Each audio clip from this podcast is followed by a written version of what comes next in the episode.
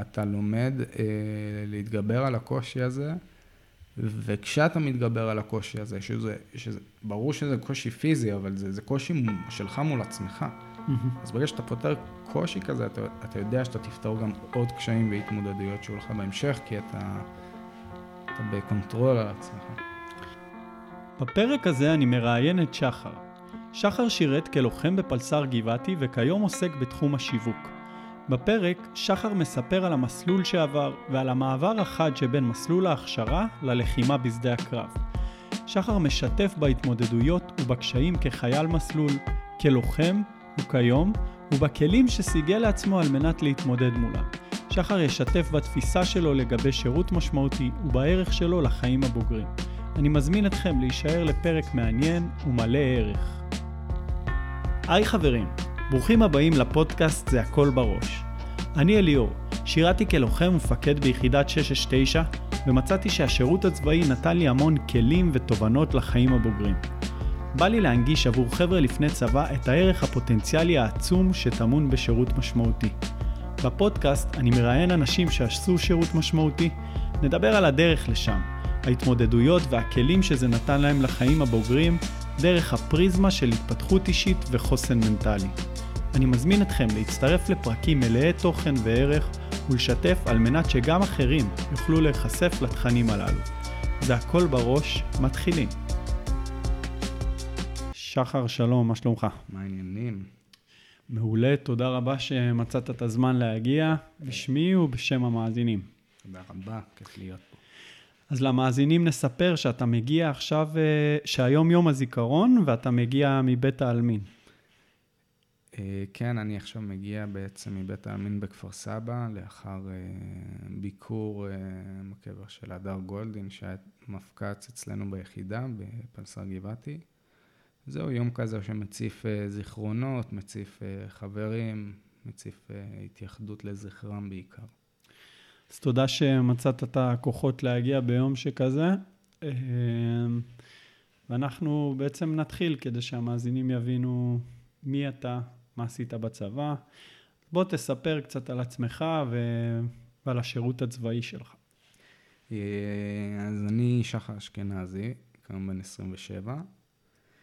אה, בשירות הצבאי שלי בעצם שירתתי כצלף בסיירת גבעתי, עברתי מסלול הכשרה של אה, שנה ושנתיים, לאחר מכן קורס מ"כים, ועוד בערך שנה וחצי של להיות סמל של הצוות צלפים של גצר גבעתי. כיום אני עוסק בתחום השיווק, מלווה חברות במשק, כל מה שקשור לשיווק דיגיטלי, הקמת תשתיות, ייעוץ, מתעסק עם אפליקציות. מעניין. אני, אני אשמח שתספר ככה בכלליות למאזינים שפחות מכירים, מה בעצם, אה, מה זה גצר גבעתי, איך, אה, מה ההבדל בין גצר גבעתי לבין גבעתי בכלליות, על מנת שיהיה לנו שפה משותפת. אה, אז בעצם גצר גבעתי זה היחידה שהיא בעצם יחידת החוד של החטיבה. גבעתי של היום קצת שונה מגבעתי או מגצר גבעתי שאני שירתתי בו לפני אה, שבע שנים, בעיקר כי הדברים השתנו ללוחמה כצוותי קרב חטיבתיים ופחות כיחידות אה, נפרדות. בתוך הגצר יש בעצם שלוש יחידות, יש את הפלס"ר שזה הסיירת, יש את העורב, בעצם יחידת הטילים נגד טנקים, ויש את הפלחן שזה יחידת ההנדסה. בסוף המשימה של הפלס"ר היא להוביל את אה, כל החטיבה, את כל צוות הקו החטיבתי קדימה, אה, על ידי פתיחת צירים בעצם, אה, כניסה לעומק שטח האויב, ביצוע פעולות כאלה ואחרות. וזה בעצם ייעודה ועשייתה. אז איך מגיעים לפלס"ר? האם מתמיינים ישירות לפלס"ר? האם יש הליך מגיבוש? תוכל לספר? אה, במקרה שלי אה, התגייסתי לגבעתי במרץ 13, אה, ניגשתי לגיבוש, התקבלתי לפלס"ר ומשם בעצם התחיל המסלול. לפני זה הספקתי לעשות גיבוש מטכ"ל, לאחר הגיבוש הורידו לי פרופיל כי הגעתי קצת חולה עם ברונכית, אלא בסוף העליתי את הפרופיל והצלחתי להגיע בעצם ליחידה מיוחדת.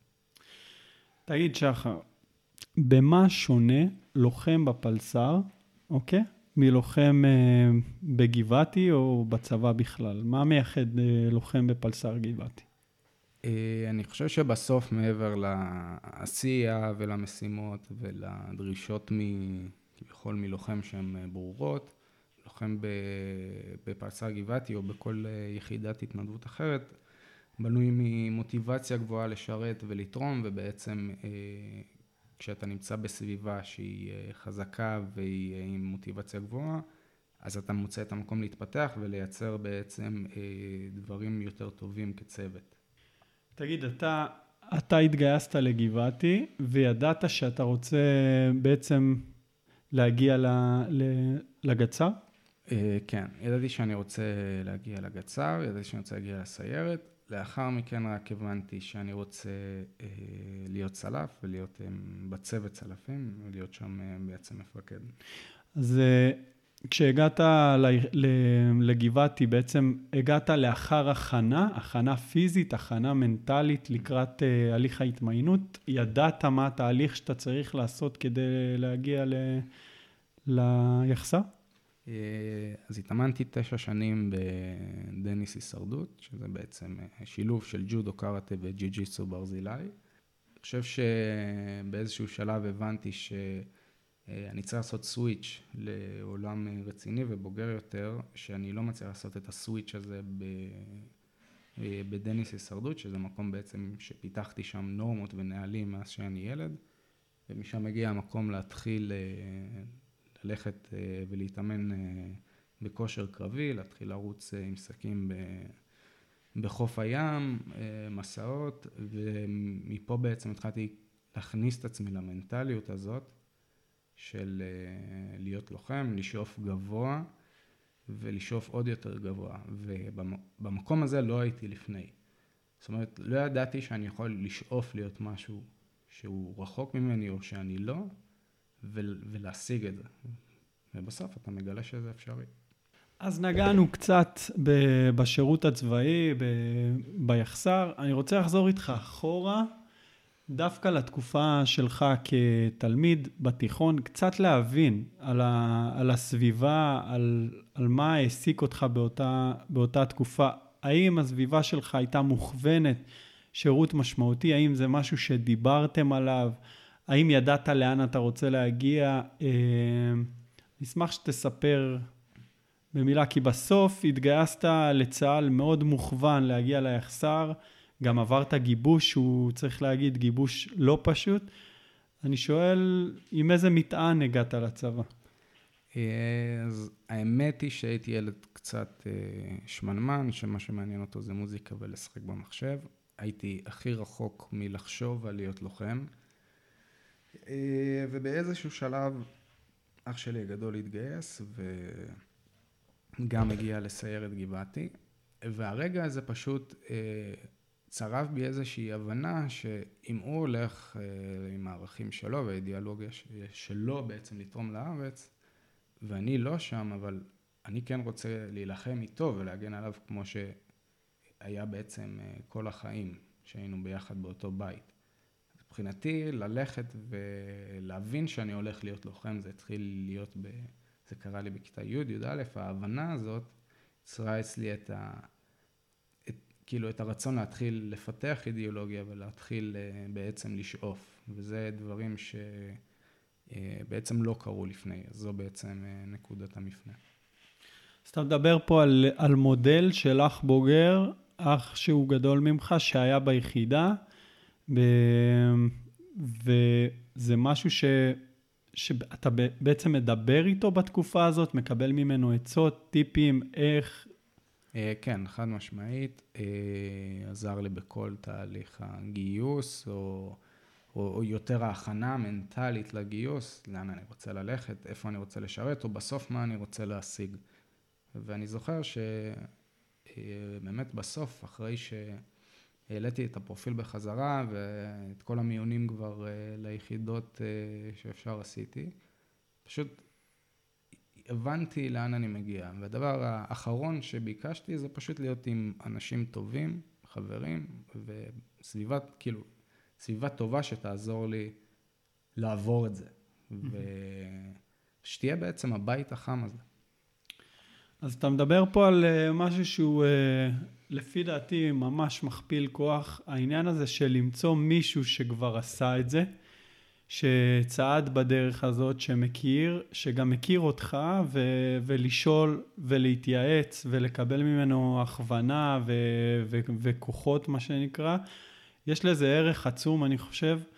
אה, באיזשהו מקום, אני מקווה שהפודקאסט הזה יהווה עבור אנשים שלא מוצאים את הדמות הזאת ולא מוצאים את הבן אדם הזה להתייעץ איתו ולדעת ממנו איך להגיע, מה כולל מסלול ההכשרה, מה התכונות שצריך.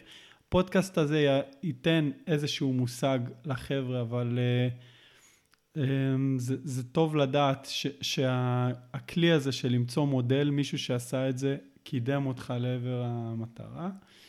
ספר קצת על, על המסלול, מסלול ההכשרה והלוחמה, איך זה נראה בפועל ביחסר אה, גבעתי?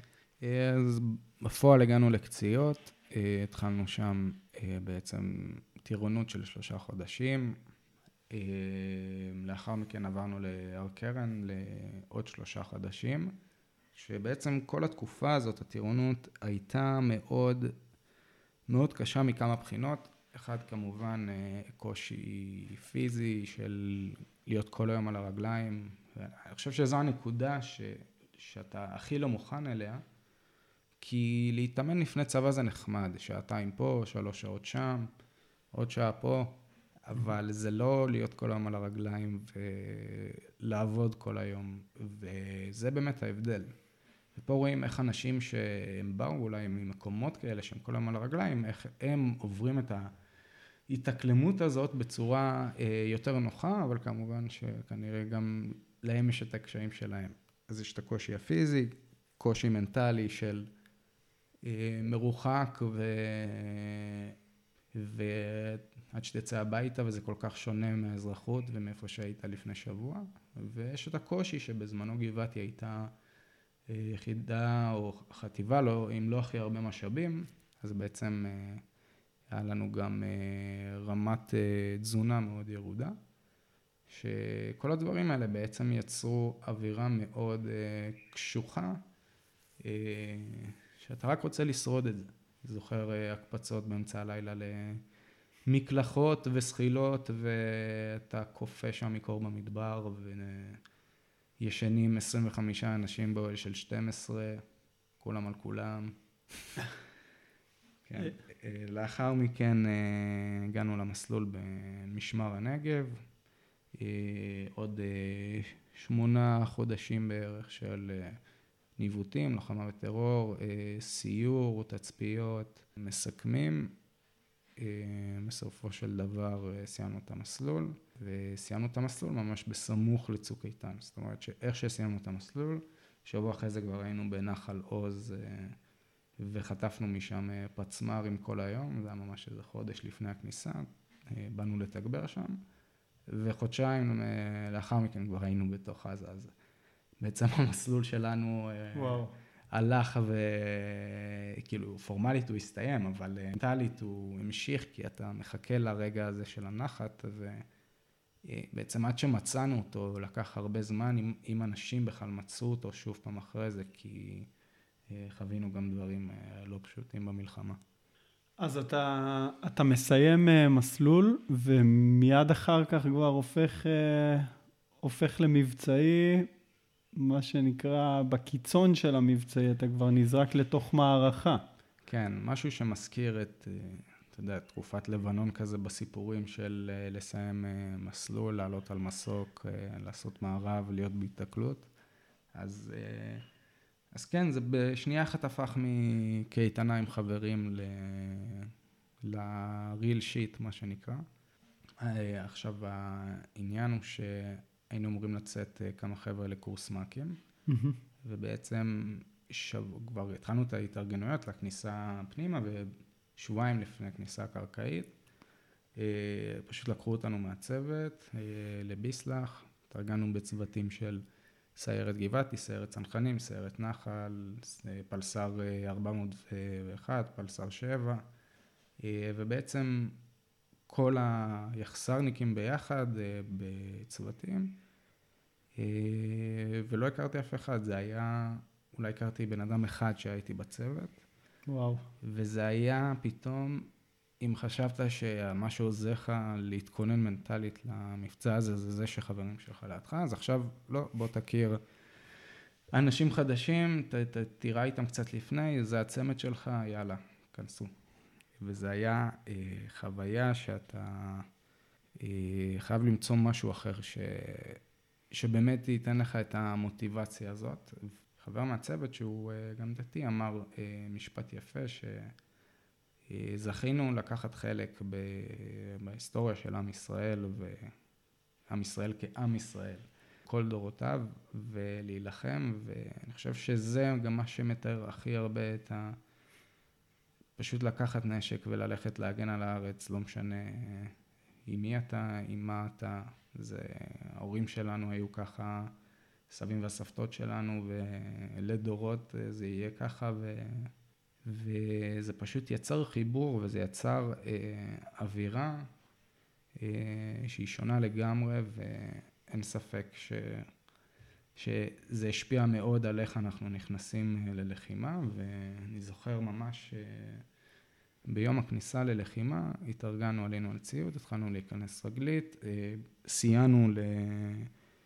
בעצם במתקפה על סג'אי, אז גולני תקפו מימיננו, והתחלנו להתקדם, אה, לפתע עצרנו את התנועה, לא התקדמנו במשך כמה שעות, פתאום אתה פותח את העיניים, קולט שנרדמת וכבר איזה שלוש לפנות בוקר ואנחנו רואים מלא פטריות עשן ו...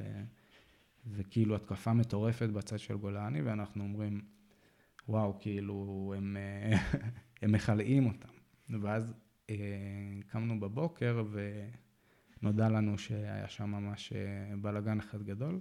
ואני חושב שזו הייתה גם טעות מצד המפקדים לספר לנו את זה, אבל הצלחנו לשאוב את המוטיבציה מהנקודה הזאת, למרות מספר אנשים שחתכו ברגע הזה, אה, ולהמשיך בעצם להיכנס ולהילחם במבצע הזה, עם ההבנה ש... אתה נכנס להגן על הארץ, אתה מאמין במה שאתה עושה. אתה מדבר פה על כמה דברים מאוד מאוד משמעותיים. אתה אומר, אני נכנס למערכה הזאת לא עם הצוות שלי, מה שבדרך כלל נותן לי את הכוחות, אחד הדברים המרכזיים שנותנים לי את הכוחות זה בעצם הצוות שלי, החברים שלי שאיתם עברתי את המסלול, ובום, זה קורה, נשלחים למבצע ו- ואני בלי החברים שלי. ואנחנו דיברנו על זה גם לפני הריאיון, שכשיושבים שני לוחמים ביחד, לא משנה כל אחד והמסלול שהוא עשה, לא משנה מאיזה יחידה, יש איזה מכנה משותף, יש איזה התנהלות כזאת, שקשה להסביר אותה במילים, יש איזה אחווה כזאת. אה, אני מניח שזו אותה האחווה ש... שחיברה ביניכם, פלוס המטרה הכל כך חשובה ש... שהיא עומדת מול העיניים שלך, כאילו באותו הרגע. אתה מבין שיש עכשיו מבצע, אתה מבין שכולכם פה למען מטרה משותפת ואתם מגינים אחד על השני. מה עובר לך בראש באותה, באותה התקופה, כאילו? ועוד שאלה שאני רוצה לשאול אותך, למה? למה? הלמה הזה זו שאלה שהיא גורפת, למה לעשות גיבוש ולנסות להגיע ל, ליחידה המובחרת של גבעתי? למה להסתכן? למה אה, לעבור מסלול כל כך מפרך? מה הלמה שלך? אני חושב שבסוף זה מין אה, אמונה עיוורת כזאת. אתה הולך באמונה עיוורת, בא... לעשות את הדברים שמכווני סיירות רוצים לעשות, לכוון גבוה, לפגוע. אה, בסוף זה לא היה יכול להישמר אה, אם עוד אנשים לא היו בגישה הזאת. ו... וזה, כל זה מתרכז בעצם למשהו אחד שנקרא אה, דוגמה אישית. וכשאני רואה אנשים מהווים דוגמה אישית על בסיס את הערכים שאני מאמין בו, זה הלמה שלי לדחוף קדימה ו... ולמה לסכן את עצמי ולמה להקריב את עצמי ו... ובסוף צריך לזכור שכל דבר מגיע והולך ובסוף הכל חלק מסיפור אחד שלם של החיים שלך שאתה תספר בסוף והסבל הוא רגעי וה... והסיפוק והשמחה והזיכרון הם נשארים לתמיד. כמובן שמדובר בצבא ומבצעים, אבל כשאתה מנסה מראש להסתכל על איך זה ממנף אותי ולא איך זה מוריד אותי, וכשאנשים מסביבך עושים את אותו דבר, אז קל מאוד להתרומם ולהמשיך להיות בגישה, באותה גישה שהיית בצבא ואותה גישה שחינכו אותך עליה בשביל לעשות את מה שאתה עושה ב-200 אחוז. אז אה, שחר, תספר, אני מניח שהיו כמה כאלה, במיוחד אה, לאור השירות שעשית. ספר על איזה רגע משמעותי ככה שנחרט לך ממש אה, בראש מהתקופה הזאת של הצבא.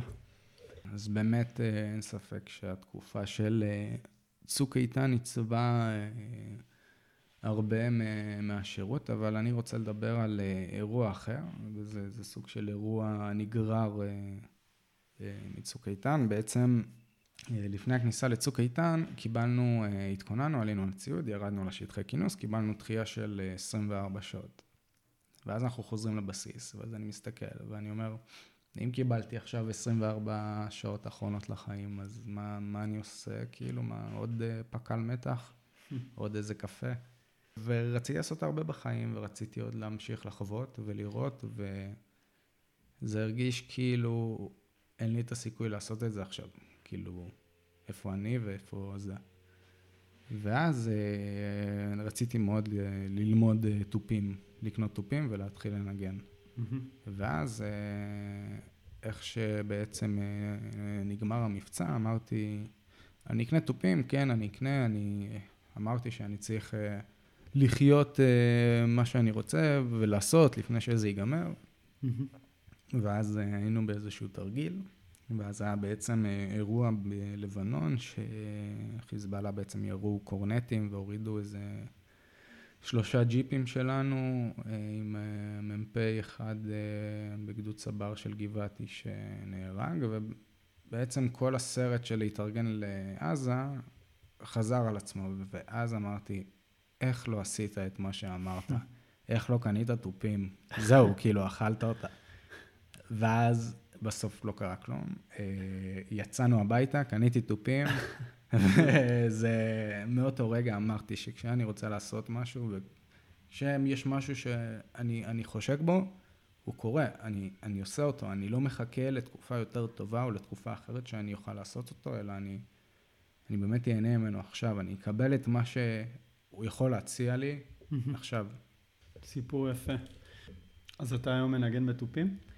אמ, גם יש לי כחון, בעיקר אה, גיטרה ופסנתר, אבל התופים ללא ספק היו מין איזה כלי שעזר לי להתגבר על הרבה חוויות אה, מצוק איתן. זה היה לחזור מהצבא, לתופף 20 אה, דקות, חצי שעה, ורק אז אני יכול ללכת להתקלח, להוריד את המדים, לחזור לעצמי.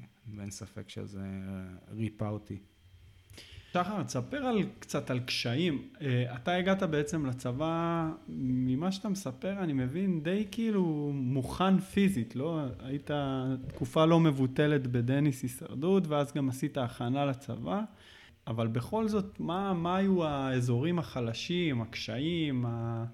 תספר לנו קצת. אה, בפועל, אה, התאמנתי הרבה מאוד שנים, אבל לא היה לי... את המקום הזה בראש של אה, הייתי רץ, היה לי קשה, הייתי עוצר. אה, אז זה היה ברור לי כשהתגייסתי שכאילו אני, I'm playing myself, כאילו, אני יודע שאני זה שיעצור עוד שנייה, אבל בסדר, נסחוב עוד 200 אה, מטר.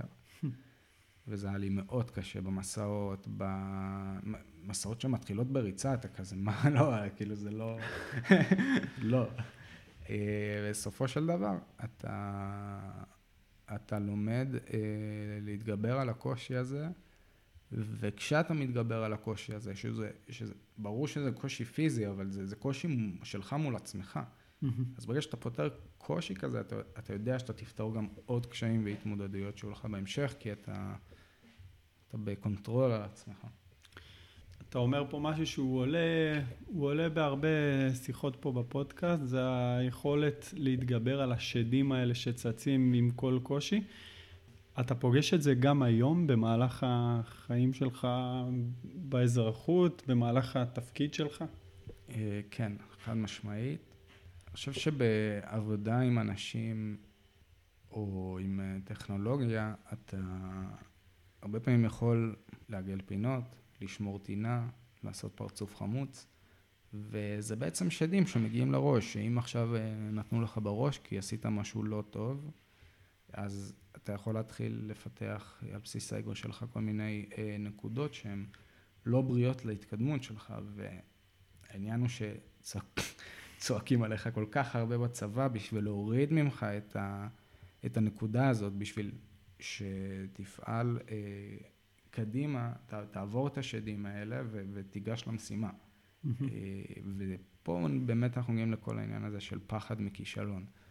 ו... השדים האלה, הם, הם מנסים להכשיל אותך בנקודה כזאת שהכישלון יוביל לעוד כישלון, יוביל לעוד כישלון, יוביל לעוד כישלון. והעניין הוא למצוא את, ה, את הנקודה המנטלית הזאת ש, שמכל כישלון אתה מטפס, מכל כישלון אתה לומד, ולא, ולא בעצם נכנס לאיזה לופ כזה של אה, חוסר אה, ביטחון עצמי ו... כל מיני דברים כאלה שיכולים להיגרם משיחות בעבודה, אה, ביקורת, שלא יקבלו אותך למקום עבודה כלשהו.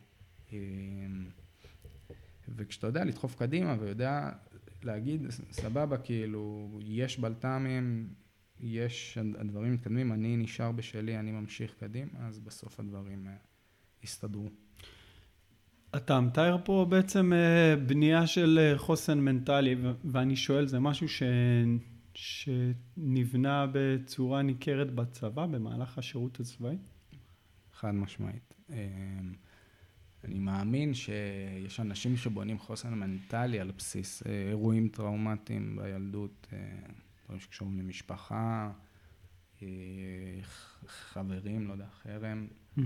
אה, ואם אתה רוצה להמשיך לחיות פה עם חיוך, אתה צריך לפתח איזשהו אה, אה, חוסן מנטלי. ובעצם הדבר שעזר לי להתמודד עם, ה... עם הקשיים האלה, עם, ה... עם הרצון פשוט להתרסק, זה הצחוקים, חיוכים ומוזיקה. בעצם לא היה לי בעיה לחייך ולצחוק שעות, גם אם כאילו... יסחילו אותי ויקלחו אותי ויטרטרו אותי. אני, החיוך לא יורד לי מה, מהפנים, כי ברגע שהוא ירד, אני ארד. וזה לפעמים דבר כל כך פשוט, פשוט להסתכל על הסיטואציה ממקום מצחיק, ממקום ש... יש בן אדם שהוא מעביר איתך עכשיו את הזמן, הוא פשוט, הוא עומד, אתה זוחל. אה, אין סיבה לא לצחוק מזה. לקבל את זה, להשלים עם זה. כן, לקבל עם, להשלים עם הסבל, להשלים כבר שחרא, זה הדבר הכי טוב. כי אתה פשוט כבר יכול לתכנן את היציאה.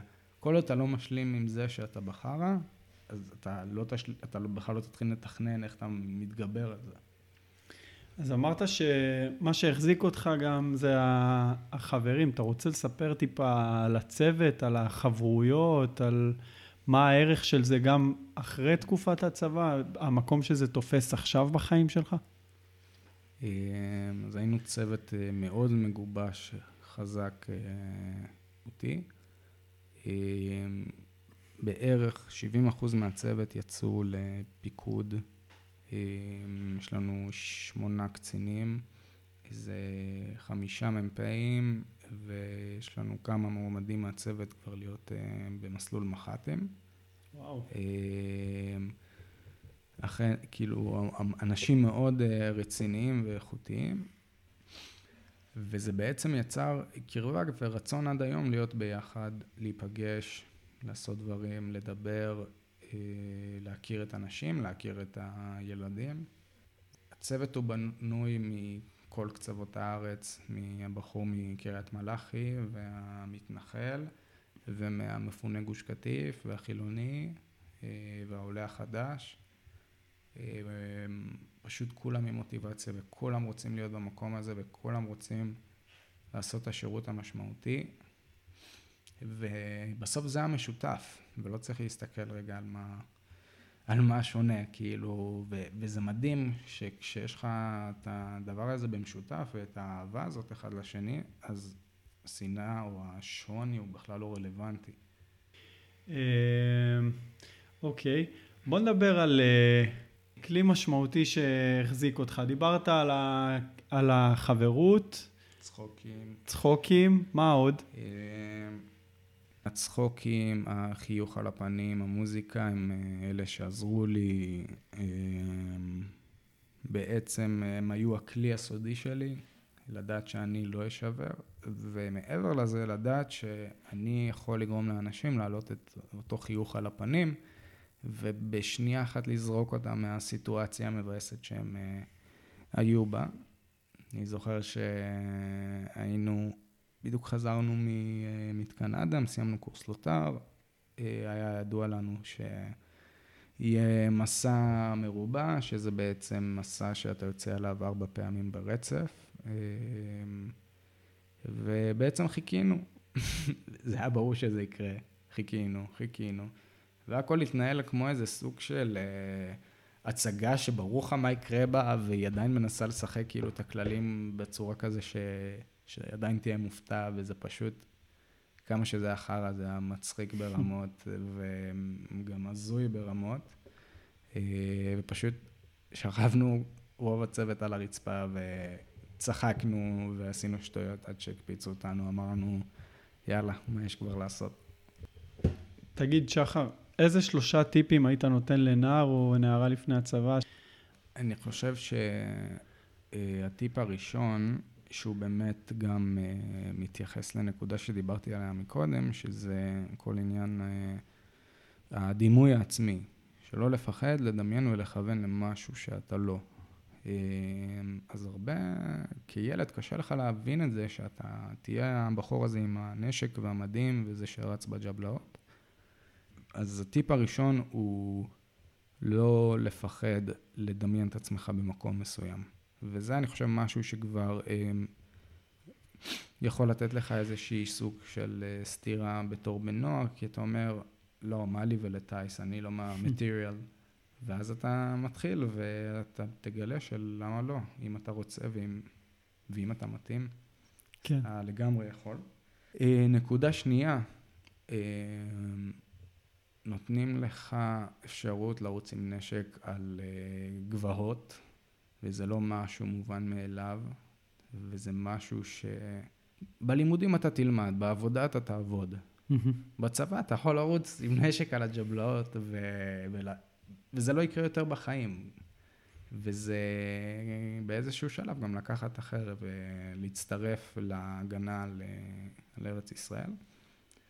הטיפ השלישי, כל מקום שתגיעו אליו ובסוף תשרתו בו יהיה משמעותי ויניב את הפירות, אז בכל מקום שתגיעו אליו, תמיד תדחפו קדימה ותיתנו את ה-200 אחוז. אה, הייתה לנו אמרה ביחידה, שהיא מתייחסת איפשהו לאיזה סוג של אה, פרפקציוניזם עם, פרפקציוניזם עם ערכים מסוימים, שכשאנחנו מגיעים למקום אנחנו משאירים אותו נקי יותר ממה שקיבלנו אותו. וזה בעצם אה, להראות שאתה, לא משנה לאיזה מקום אתה מגיע, אתה תיתן את הטאץ' כדי שהוא יהיה יותר יפה ויותר טוב. אה, גם אם הוא היה קצת אה, מלוכלך לפני. אז קחו את זה בחשבון שאת, שאחד הטיפים הוא זה שאתם באמת הולכים לתרום ולשנות משהו במקום מסוים שתהיו, אז תדעו שיש את הכוח הזה. זה מדהים הדוגמה הזאת שנתת, החזרת אותי אחורה, כי גם אצלנו היה, תמיד היו מטפטפים לנו את זה, של כל מקום שאנחנו מגיעים, אנחנו משאירים אותו יותר נקי. זה, זה איזשהו סטנדרט כזה שהוא, כן, הוא סמלי, אה, זה אמירה שהיא מעבר לנקות את המקום. זה מעניין שזה גם סטנדרט שהוא גורף ל... כל מיני יחידות כאלה בצבא. אם הייתה לך אופציה לחזור לאחור ולדבר עם אה, שחר שעומד לפני הגיוס לצה"ל, מה היית אומר לו? הייתי אומר לו, אה, תהנה, וזה המשפט שהכי, המילה שהכי שנאתי לשמוע. אני זוכר שהגיע אלינו אה, סמל לצוות, עוד היינו במסלול, הוא סיים מסלול, והוא בא והוא אומר לי באמצע מסע, יואו, איך אני מתגעגע למסלול, אתה תראה, אתה תתגעגע לזה, ואני בראש שלי, לא, מה, הוא חי בסרט, אין סיכוי שאני מתגעגע לרגעים האלה בחיים. השתחררתי מהצבא, אמרתי, אני לא מתגעגע לרגעים האלה.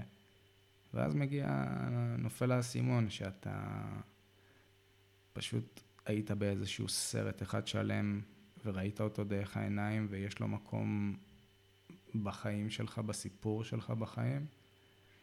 לפעמים כל מה שנשאר הוא באמת ליהנות מהדרך. אנשים טובים יהיו, אה, קושי יהיה, סיפוק יהיה. באמת, כל מה שנשאר הוא להביא את עצמך ו... וליהנות. מדהים.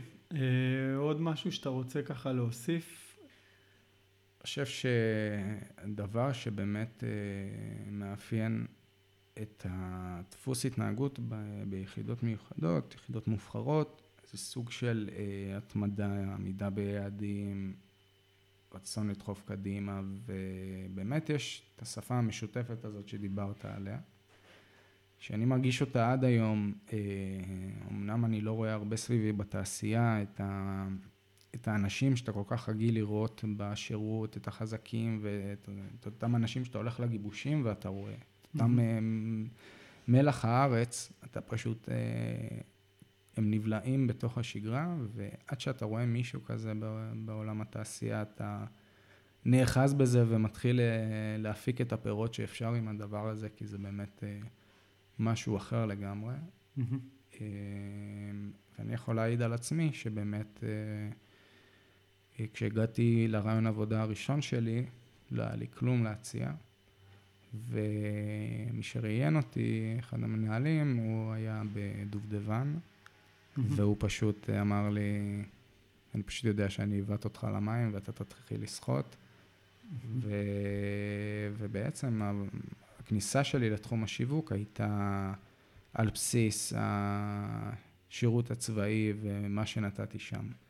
זאת אומרת שאתה לא חייב... אה, אתה מקבל דברים מהשירות הצבאי שהם לא רק, ומהשירות ביחידה מיוחדת שהם לא רק להחזיק נשק ולסחול, אלא הם התמודדות עם סיטואציות, אה, עמידה במצבי לחץ, עמידה בבלת"מים, אחד הדברים אולי הכי, הכי באים לידי ביטוי בתחומים מסוימים, פשוט לקבל את הבלת"ם, להמשיך הלאה, לא לתת לו לשנות לך משהו בנפש, אה, ואתה פשוט יוצא עם חוסן מנטלי, שמקומות מסוימים ומעסיקים מסוימים מעדיפים את זה על בסיס כל, על פני כל אה, יתרון מקצועי אחר. כי ללמוד, שוב, אפשר ללמוד, יהיה, יהיה תואר, יהיה, יהיה תקופה של ללמוד בעבודה, אין בעיה, זה, זה יהיה.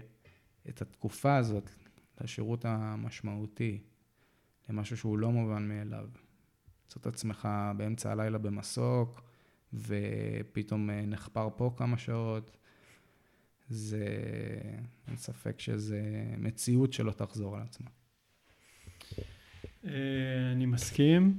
אני רוצה להגיד לך הרבה תודה על זה שמצאת את הזמן להגיע, אה, בשמי ובשם המאזינים. אני חושב שגם חשוב שיהיה ייצוג בפודקאסט לפלסר גבעתי. אה, ואכן אה, זה קרה. אז המון המון תודה. תודה לך. אה, באמת נעים וחשוב לפרוק את כל הדברים האלה. תודה, ותודה לכם, המאזינים. נתראה בפרק הבא.